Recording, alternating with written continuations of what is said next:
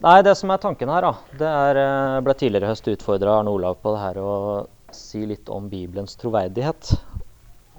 Det var vel egentlig det stikkordet jeg fikk. Så jeg har grubla litt over det. Vi har jo boka vår, Bibelen. Omtaler ofte som Guds ord.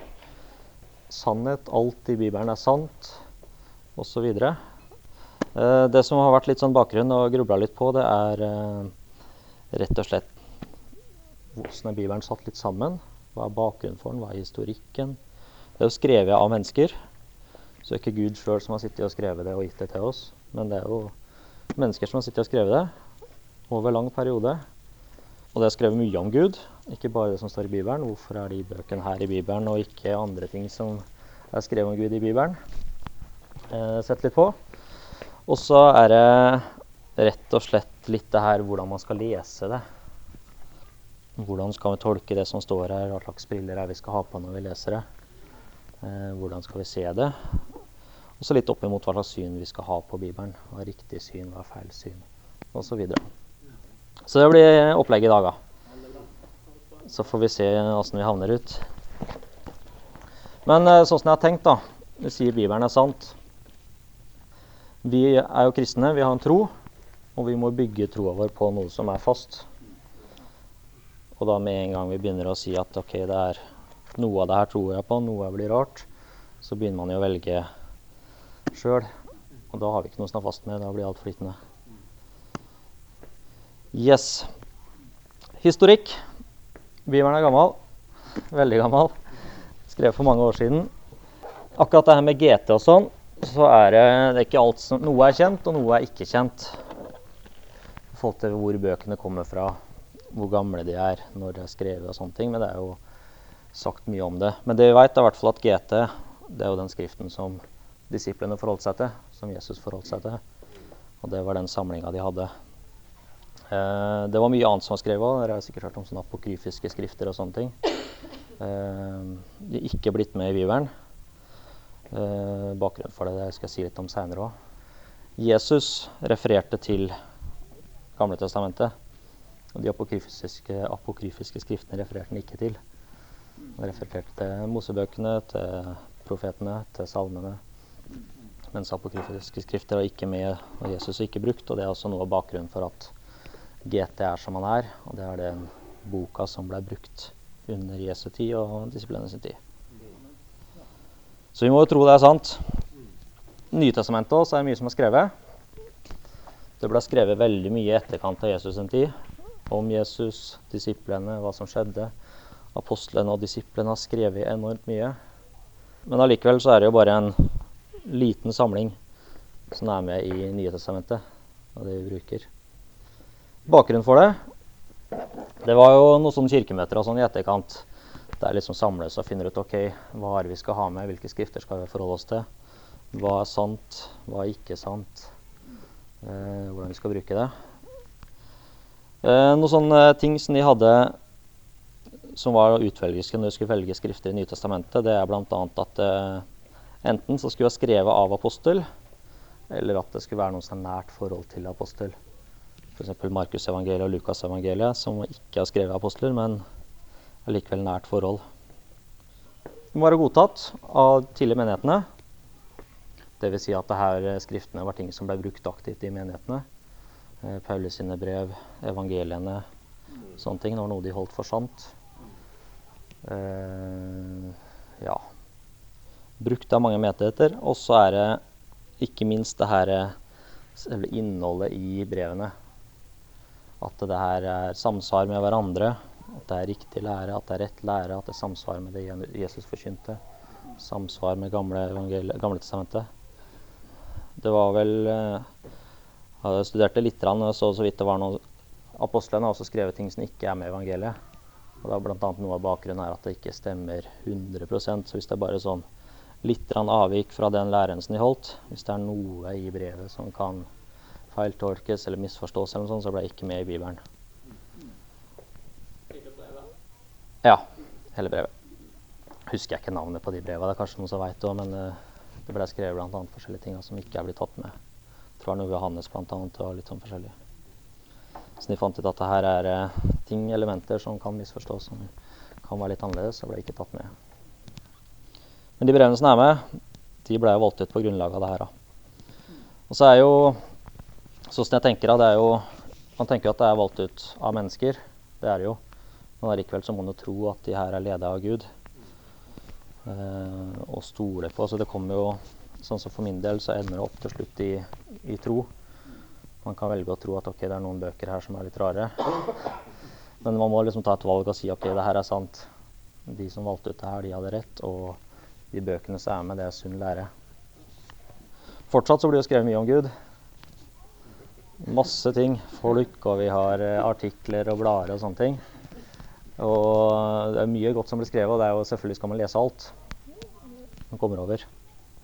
Det er ikke sånn at man bare skal lese Bibelen, men man leser jo fortsatt ting som blir skrevet nå, og ting som er skrevet fra i dag av og mellom Jesus døde og fram til nå. Så det er veldig mye som er skrevet. Så det er mye bra. Men uh, så tenker jeg at den Bibelen den må, den må være grunnlaget, den må være fundament. Så det vil si at hvis det er noe vi leser som ikke stemmer overens med Bibelen, så blir det litt det samme som de valgte ut når de valgte ut bøkene i forkant, at vi må tenke at det er feil. Bibelen er grunnlaget, det er den vi legger til grunn. Og er det noe som ikke samsvarer, så må jo det som ikke samsvarer med Bibelen, være feil. Det er tanken min, da. Så det, jo, det, blir jo til slutt tro igjen, da. Det er jo ender opp, at vi må liksom stole på det her er rett, riktig lære. Og det her er det vi vil bygge, bygge troa på. Amen. Så det er bra. Så kommer vi da til neste problem. Det er å skjønne det vi leser som er enda en større utfordring. En del av dere har sikkert vært inne på bibelsiden.no. Fantastisk god side som er laga av gode folk. Hvem er det som laga den? Det er jo For de som ikke veit det, så er Bibelsiden en side som ble produsert her for noen år siden av folk i kristen fellesskap, stort sett. Skrevet artikler om Bibelen og referanser og sånne ting for å få god bibelinformasjon. Inne på den sida så står det bl.a. et element som handler om bibelsyn. Hvordan skal vi lese Bibelen, hvordan skal vi forstå Bibelen, og hvilke typer bibelsyn er det som er vanlig utbredt? Både fra, egentlig fra Jesu tid og fram til nå. Hvordan har lest Bibelen? Eh, og også nå til hvilke bibelsyn som liksom er vi finner rundt oss. Ofte så kan man bli litt sånn oppgitt når man leser f.eks. intervjuer med folk som er kristne personer ser intervjuer på TV og så tenker jeg, som refererer Bibelen, og så tenker jeg det her blir jo helt feil. Det stemmer jo ikke. Og da er det jo annet bibelsyn. Annen måte å lese Bibelen på. Så selv om de refererer fra Bibelen, så vil jo kanskje ikke stemme overens med sånn som vi tolker Bibelen, eller sånn som vi leser Bibelen. Og så kjenner vi det her Det her blir gærent. Det blir rart. Jeg trenger ikke å ta noen eksempler, men det er jo flere kjente kristne personer som ofte står fram. Også ofte hvis det er noe sånn diskusjon i media, eller noe sånt, så intervjuer gjerne de her personene for å få forskjellige syn. og sånn. Også på Jesu tid så var det forskjellige bibelsyn. Jesu havna ofte i diskusjon med skriftlærde fariseerne. Hadde et annet type bibelsyn. Eh, bibelsynet som Ifølge bibelsiden.no så er det et bibelsyn de kaller for biblisisme. Dvs. Si at man eh, legger si, tenker at Bibelen er Guds ord, Alt i Bibelen er like viktig. Uh, plukke gjerne ut uh, ting ut av sammenheng. Det vil si at man kan plukke ut et vers og si at det her er sant, sånn er det. Eller plukke ut et annet vers og si sånn er det. Uh, ikke noe hensyn til sånn dikt og sjangertype og sånne ting. Bare si alt er, alt er likt, alt er jevnt, og plukke litt sånne ting ut av sammenheng.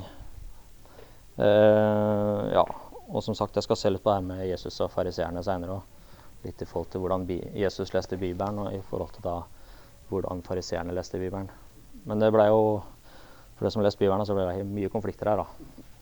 Mye diskusjoner, og han tok veldig ofte oppgjør med fariseerne. Og, og sånn er det. Eh, veldig lett merker jeg for min egen del òg når jeg leser Bibelen, og f.eks. ta et bibelvers og så se på det, og så kan man eh, lese seg i hjel på det og ta det ut av sammenheng. Eh, og da, hvis man tar ut et vers, og sitter og leser på det, så kan det fort bli en helt annen mening enn det som er tenkt. Og det er veldig fort gjort eh, i mange situasjoner, egentlig. Og så sitter han og leser, og så kommer han til et vers, og det her var rart. Og så sitter han og leser på og leser på og så blir det bare mer og mer merkelig, og så skjønner han ingenting etter hvert. Det regner med vi kjenner igjen i. Eh, ja, samme sånn mandakorn og sånne ting òg. Så får han et bibelvers. Steffen er glad i mandakorn, kanskje. Men eh, så får han et bibelvers, og så kan det få en helt annen betydning enn det det egentlig er ment. Så et eksempel på det her er f.eks. Filipperne 4.19. Så jeg tror jeg er mye brukt. Jeg har hørt mye opp igjennom uh, siden jeg ble kristen. Uh, så skal min Gud, som er så rik på herlighet i Kristus Jesus, gi dere alt det dere trenger. Det er bra. Og så er jo da Når du bare leser bilverset, så kan du tenke ok, Jesus han vil gi oss alt det vi trenger. Og så blir det fort at man overtolker det, og så kan vi få alt vi vil i alle sammenhenger, f.eks. Mens det ikke sikkert var akkurat det Paulus har ment. For han har jo skrevet det i en sammenheng til noen folk, og sånn og sånn er ment. Vi kan jo se, sånn som vi ser verdensbildet i dag, så er det jo mange kristne som ikke har alt det de trenger. Men det vil jo fortsatt si at Bibelen er jo sann. Men tar vi bare det verset her, så kan det bli feil. Eller også filipperne, det her Alt makter jeg i ham som gjør meg sterk. Du kan klare alt i ham som gjør deg sterk. Men når vi ikke ser sammenheng, så kan det jo tolkes helt feil ennå. Det er litt der biblisismen også. Uh, se ting i sammenheng, ta ting ut av sammenheng. Uh, og så kan man få veldig mye tolkninger av Bibelen som kan komme veldig feil ut. Ellers er det litt mer utbredt fra gammelt av, det her med kirkelig tradisjon som et bibelsyn. Og da var litt den tankegangen her at uh, ledere i menigheten, dvs. Si biskoper, prester og sånne ting, det var de som har rett syn på Bibelen. De som skjønte Bibelen. Uh, folket de måtte jo forholde seg til det paver og biskoper som fant ut. Dvs. Si at det er kirkelig tradisjon og kirkelig æren det ble egentlig viktigere enn selve Bibelen. Og da de som tolker Bibelen, de er jo de som har rett, og folket må forholde seg til det. Eh, ja. Vi har vel fortsatt en del av det i nåtida. Kanskje enda mer tidligere. Bl.a. på den tida når eh, Bibelen bare var på latin i Europa. Og de som kunne latin, som eh, leste Bibelen, og de som ikke kunne latin, de var like langt, så de måtte høre på undervisning. Så det her å få trykt opp Bibelen på, på språk som folk skjønner, så alle kan lese Bibelen, er enormt viktig også.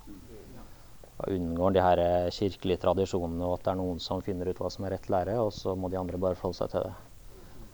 Sånne avlat og blant annet, og sånne botsoppgjørelser og sånne ting som var mye av. Så jeg ble også veldig inspirert av det her eh, arbeidet som skjer ute på Filippinene, sånn, der de får trykt opp eh, Bibelen i lydbok.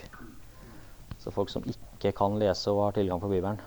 Så det er enormt viktig også få høre på eget språk og skjønne hva som blir lest, og klare å gjøre seg opp en mening sjøl. Og da får han også tatt vekk litt av makta til de herre som ønsker å utnytte Bibelen til å få seg makt. Så det er kjempebra, altså. Men eh, kirkelig tradisjon det tror jeg også er, ja, det er utbredt nok i dag òg, også. Men det har nok forsvunnet mer og mer. Eh, I hvert fall i sånn eh, protestantisk sammenheng, jeg tro. Mindre og mindre av det. Men det er jo fortsatt elementer. da. Eh, ellers så kommer vi litt til sånn eh, liberalt, historisk, kritisk bibelsyn. Det blir mye vanskelige ord her, da. Post, jeg tar og nevner det. Postmodernistisk bibelsyn. Forskjellige ting her. Men det går eh, Det her er en del folk vi møter på som ikke tror at Bibelen er Guds ord. Mye bra som er skrevet, men vi må se det i sammenheng da med nåtid. Eh, Dvs. Si at man kan plukke ut ting som er bra, og så kan man legge vekk ting som man tenker at det her er skrevet i en annen tid nødvendigvis synd som var synd da, er ikke nødvendigvis synd nå. Eh, og da har man på noen sånne briller og tenker at ok, de som har skrevet det, de har sett det sånn og sånn. Vi som lever i nåtid, vi må se det annerledes. Så blir det sånn kritisk. Eh, ja. F.eks. at man fjerner det her med synd helt. Ikke noe djevel. Eh, ikke noe forsoning i Kristus. Du er god menneske, og det går bra. og tar ut sånne elementer som at du skal f.eks. elske de neste som deg selv. Litt det her humanistiske syna. Uh, og det er jo riktig bibelvers, det òg. Og det her alt dere vil at andre skal gjøre mot dere, skal dere også gjøre mot dem, står det. Så det tar ut sånne elementer som de syns er bra, og så kan vi fjerne det som ikke er bra. Det er et bibelsyn. Ellers så har vi enda et bibelsyn som heter apostolisk konservativt bibelsyn. Poenget med det bibelsynet her er at man ser Bibelen sånn som apostlene og Jesus gjorde. Prøve å finne ut hva Bibelen sier om seg sjøl. Bibelen sier veldig mye om seg sjøl. Nye testamentet sier veldig mye om Gamle testamentet. Jesus og apostlene leste Bibelen på en spesiell måte. Uh, og da er det å legge det til grunn for hvordan man skal tolke Bibelen. Og da er det jo å se at uh, noen ting er jo skrevet historisk. Noen ting er dikt, noen ting er samlinger. Mye forskjellig. Profetier. Og så er det å tolke det ut fra hvordan Bibelen tolker seg sjøl. Det er planen.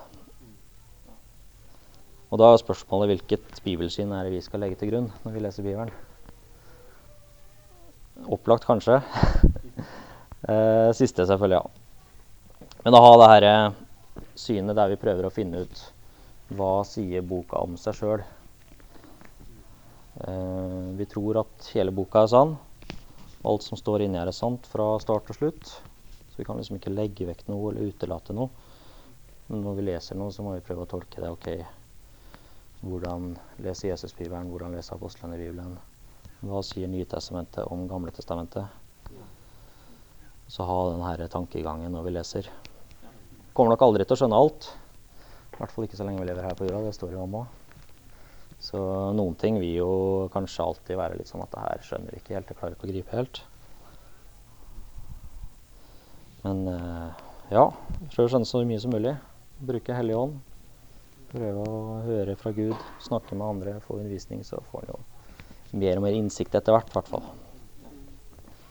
Jeg kan jo reklamere litt for høsten òg. Nei, fra våren òg. Kan ikke det, Arne Olav? Nei, vi har snakka om en gjeng her for en del vanskelige temaer. Eh, Bl.a. homofili, det ondes problem, sånne ting. Og det blir satt opp noen samlinger utover våren der vi skal rett og slett se på de temaene her. Diskutere det i grupper og sånne ting. Og det er en del vanskelige temaer som si, Bibelen er jo klar på en del ting, og så er den uklar på noe annet. Og så er det litt hvordan man skal tolke de her vanskelige problemstillingene. Hva gjør vi i forskjellige situasjoner og sånne ting. Så det blir litt utover våren, da.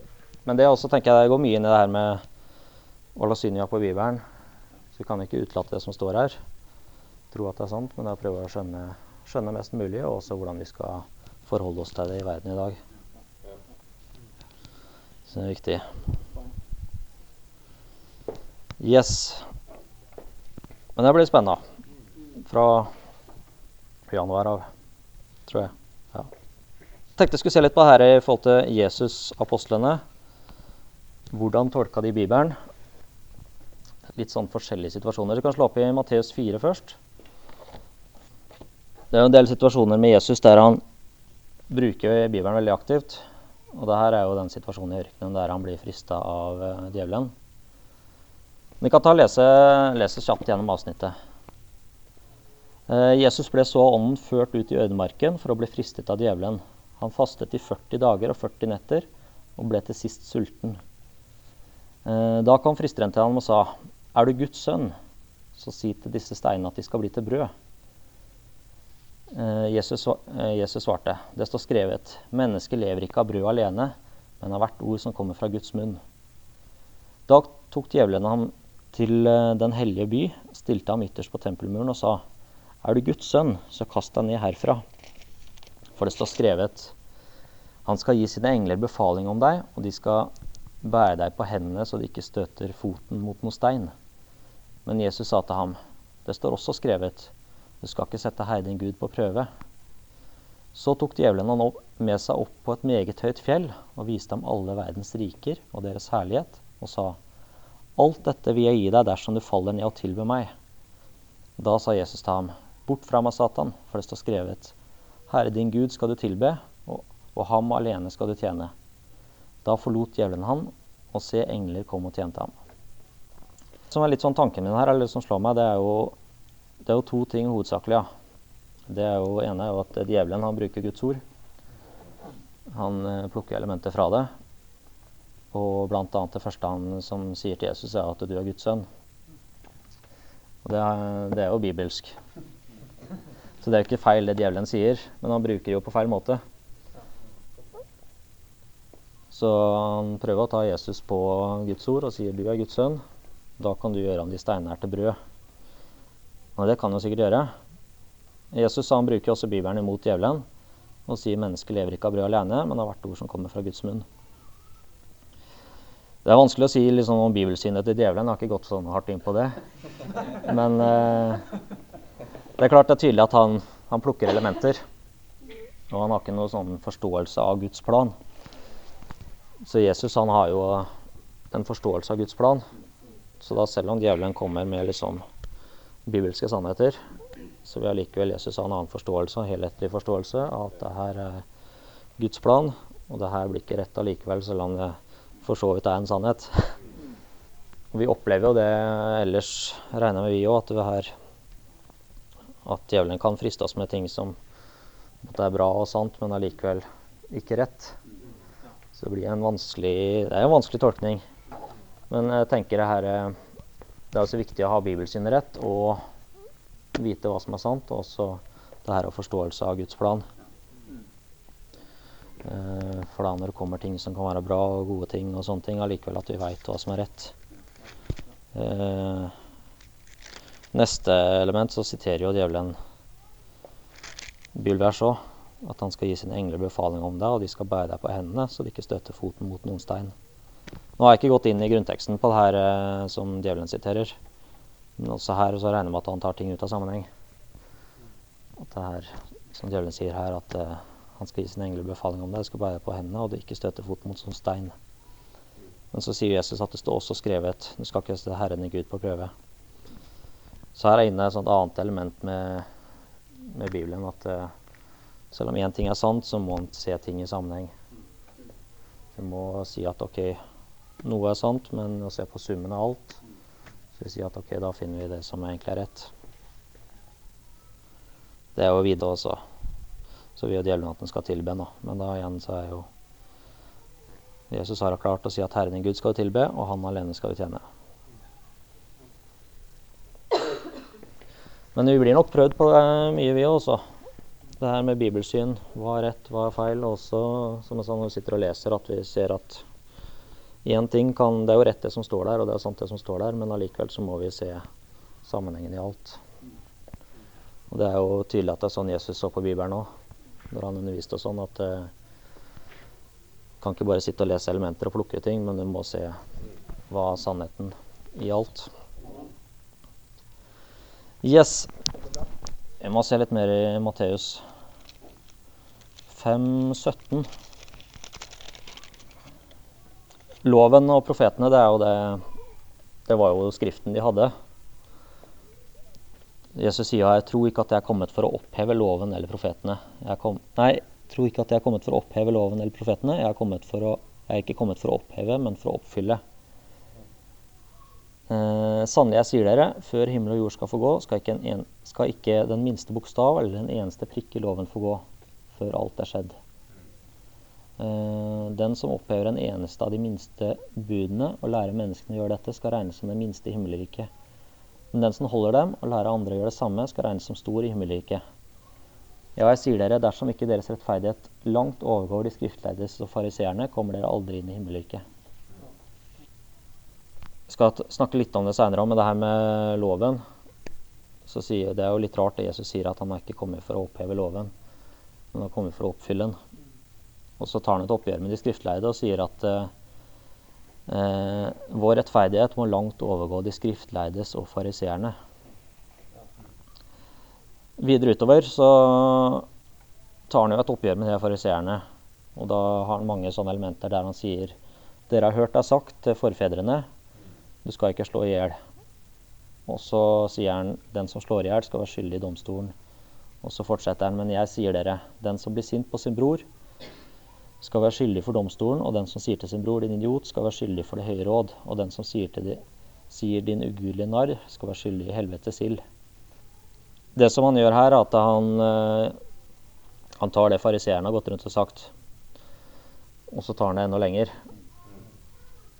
Det virker jo, eh, det virker jo ekstremt strengt, men eh, det som jeg har inntrykk av fariseerne gjør, er at de, de kan si én ting, og så kan de gjøre noe som er litt sånn i nærheten, men ikke fullt så ille sjøl.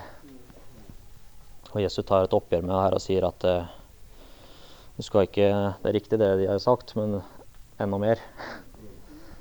Uh, og det her tenker jeg er en forståelse av Guds plan. Det samme videre nedover òg.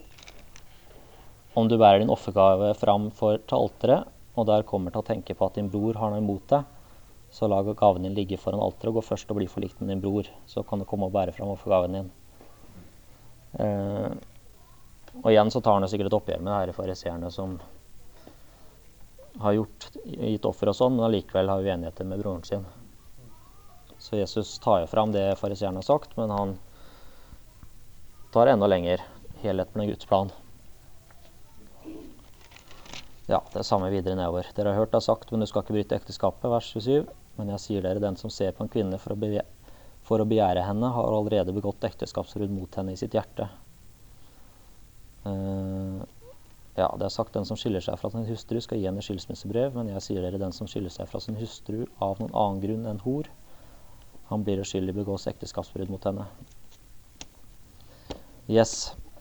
Det er jo et sånt oppgjør med de fariseerne. De som drar ut elementer og gjør én ting, og så kanskje livet deres er annerledes allikevel. Jesus var jo hard, da. Han er tøff og direkte. Eh, men eh, det er tydelig her at han har en helt annen forståelse av Skriften enn det som var lært bort før. Så eh, han har en oversikt og en plan og ser helheten, mens da de andre har sittet og lest og så tenkt ja, det her skal vi nyse, det her passer for oss, og så utelater vi resten. Heldigvis er det nåde og forsoning òg. Så selv om Jesus er tøff og hard, så er det også frelse. Det var bra. Nei, det er bra, for det, når du leser det her, så er det jo det er jo tøffe, tøffe tak, da. Og med helvetes ild og med alt det der. Men det er jo et oppgjør med fariseerne. Det er det. Men det er sånn jeg tenker jeg ser når Jesus bruker Det gamle testamentet, det gjør noe hele veien, så er det det her eh, forståelsen av Guds plan som han har som eh, mangla fra før. Det er klart det var jo vanskelig for de si, kristne fram til da å skjønne, skjønne Skriften ordentlig før Jesus har kommet. Men da, som han sier sjøl, at han kommer jo for å oppfylle loven. Ikke for å fjerne det og starte på nytt, men han kommer for å oppfylle det. Så da det er først når Nye testamentet kommer, og Jesus kommer, og apostlene kommer, at det går an faktisk å skjønne det som er skrevet i Gamle testamentet. Det profetene også har snakka om. Jeg er ikke noen ekspert på området, men jeg vil tro også profetene også. De, de hadde nok ikke oversikten over alt. De profeterte om Jesus og profeterte om det som skulle komme. Men uh, jeg tror først når Jesus kom, og han kommer for å oppfylle loven, at man virkelig ser helheten i det.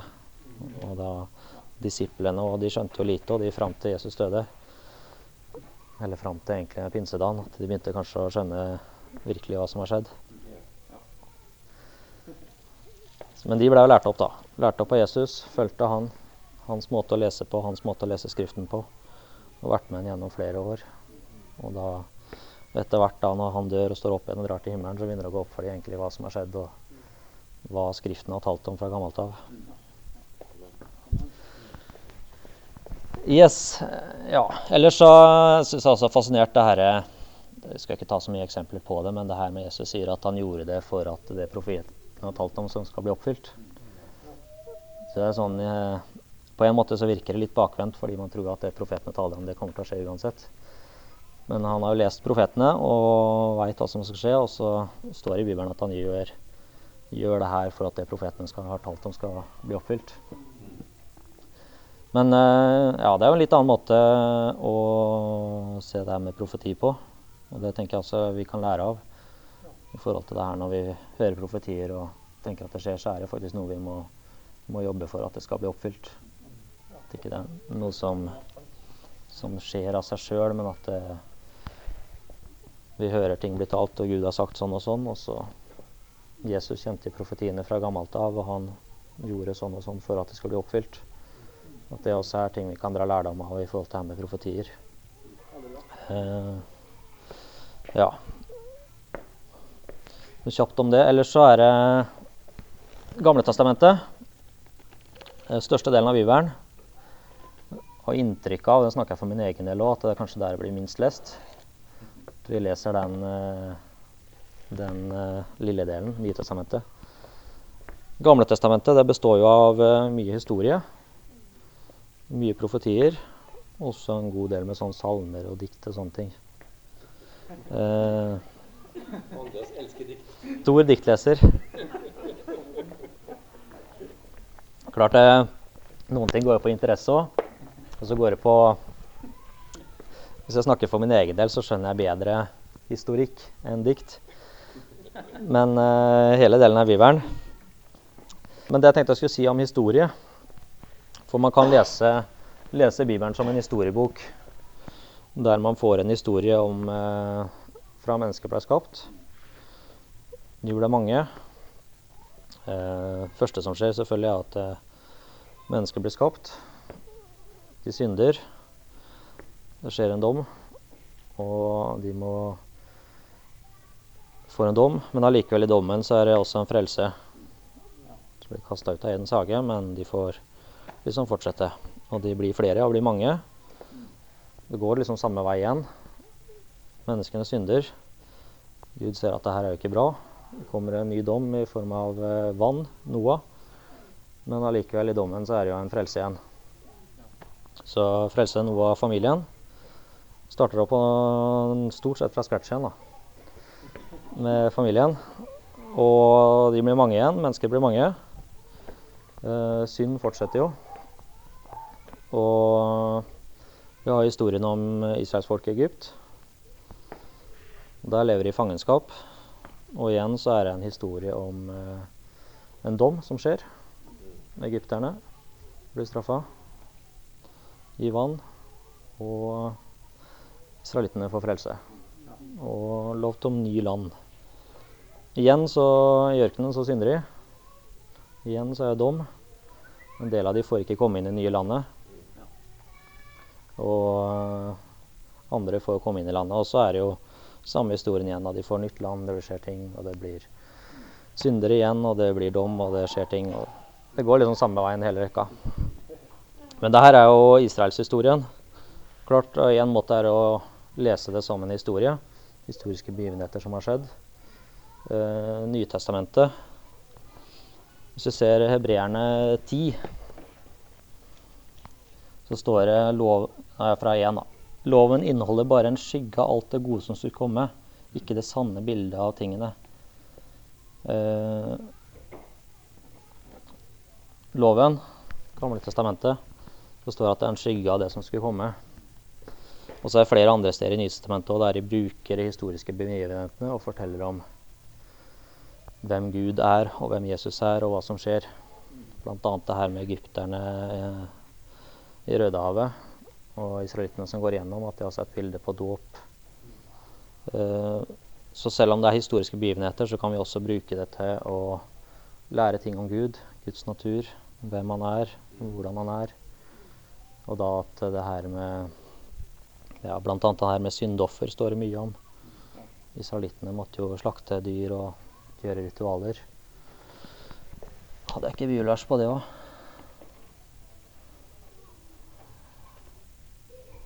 Ja, det ble ikke med. Men uh, i hvert fall med det her at de syndeofrene det var aldri et endelig fullkomment offer. Det var Hver gang de måtte synde, så måtte de selvfølgelig ofre igjen De gjorde noe gærent, så måtte de ofre igjen. Og det var hele samme ritualen. Men eh, på samme måte som syndofferet, så var Jesus det fullkomne offeret. At da når han dør, så er det ferdig en gang for alle. Og da fullkomment offer. Da mot han så er det ikke noe sånn at det må stadig på ny og ny. Vi ber om tilgivelse selvfølgelig og forsoning på den måten, men det er fullkomment. Så da Det er bra. Men der igjen da, så går det jo på det her og hvordan vi leser Bibelen. Som vi sitter og leser Gamle testamentet og historier som skjer. Så hvis vi skal tenke sånn som Bibelen snakker om seg sjøl, så kan vi også se historiske begivenheter i forhold til eh, Jesus, nye pakt, syndoffer. Eh, det er mye å gå inn i der hvis man er eh, veldig interessert. Hvordan tempelet er bygd opp. ting hvordan hellige, innerste hellige, hva man måtte gjøre for å gå inn i det innerste hellige. Og det blir brukt mye bilder om det i Nye testamentet. Bl.a. med forhenget som revner når Jesus dør. Da åpnes opp så vi kan komme inn til innerste. Bibelen bruker mye sånn symbolikk, og da, som det står her, at uh, loven er skygge av nye, så tenker jeg man må jo ha ganske god forståelse av Gamle testamentet for å skjønne hva de snakker om i nye. Og da, som sagt, historiske begivenheter, ting som skjer, så er det godt grunnlag for å ta med det videre. Det er selvfølgelig ikke alle historiske begivenheter i Bibelen som har noe sånn man kan dra med seg fortolkning til nye. Men det er jo i hvert fall i grunntrekka som Bibelen snakker om, og det her med israelittene, Rødehavet, ting som skjer i dom, så er det ting som forteller om Guds natur. Og så forteller det om det som skulle komme med Jesus og forsoning. og at han døde for oss og tok på seg all synd. Så det er veldig bra. Til syvende og sist Det er mye å gå inn i her, da. Så nå har jeg liksom føler det som jeg bare har vært litt sånn på overflata. Men uh, det er veldig inspirerende å se på de tinga her, altså. Og som sagt så er det, det er mye godt stoff å lese. Uh, Bibelskinnen har lite grann. Forstå Bibelen-moduler. En del sånne ting som er veldig nyttige bøker. Som uh, går an å gå inn i de tingene her og prøve å se. Det er så lett å si, sånn som vi sier ofte, at Guds ord er sannhet. Men så er det her å gå inn i hva betyr det egentlig. Hvordan vi skal bruke det, hvordan skal vi lese. Og også sette opp imot da nåtid og dagtid. Ting som skjer i verden. Mye fælt som skjer. Bibelen sier at Gud er god. Klart det er sant. Og prøver liksom å tolke det inn i verdensbildet vi er i dag. Uh, ja. Vi kan slå opp til slutt, da. Første kor 2.12.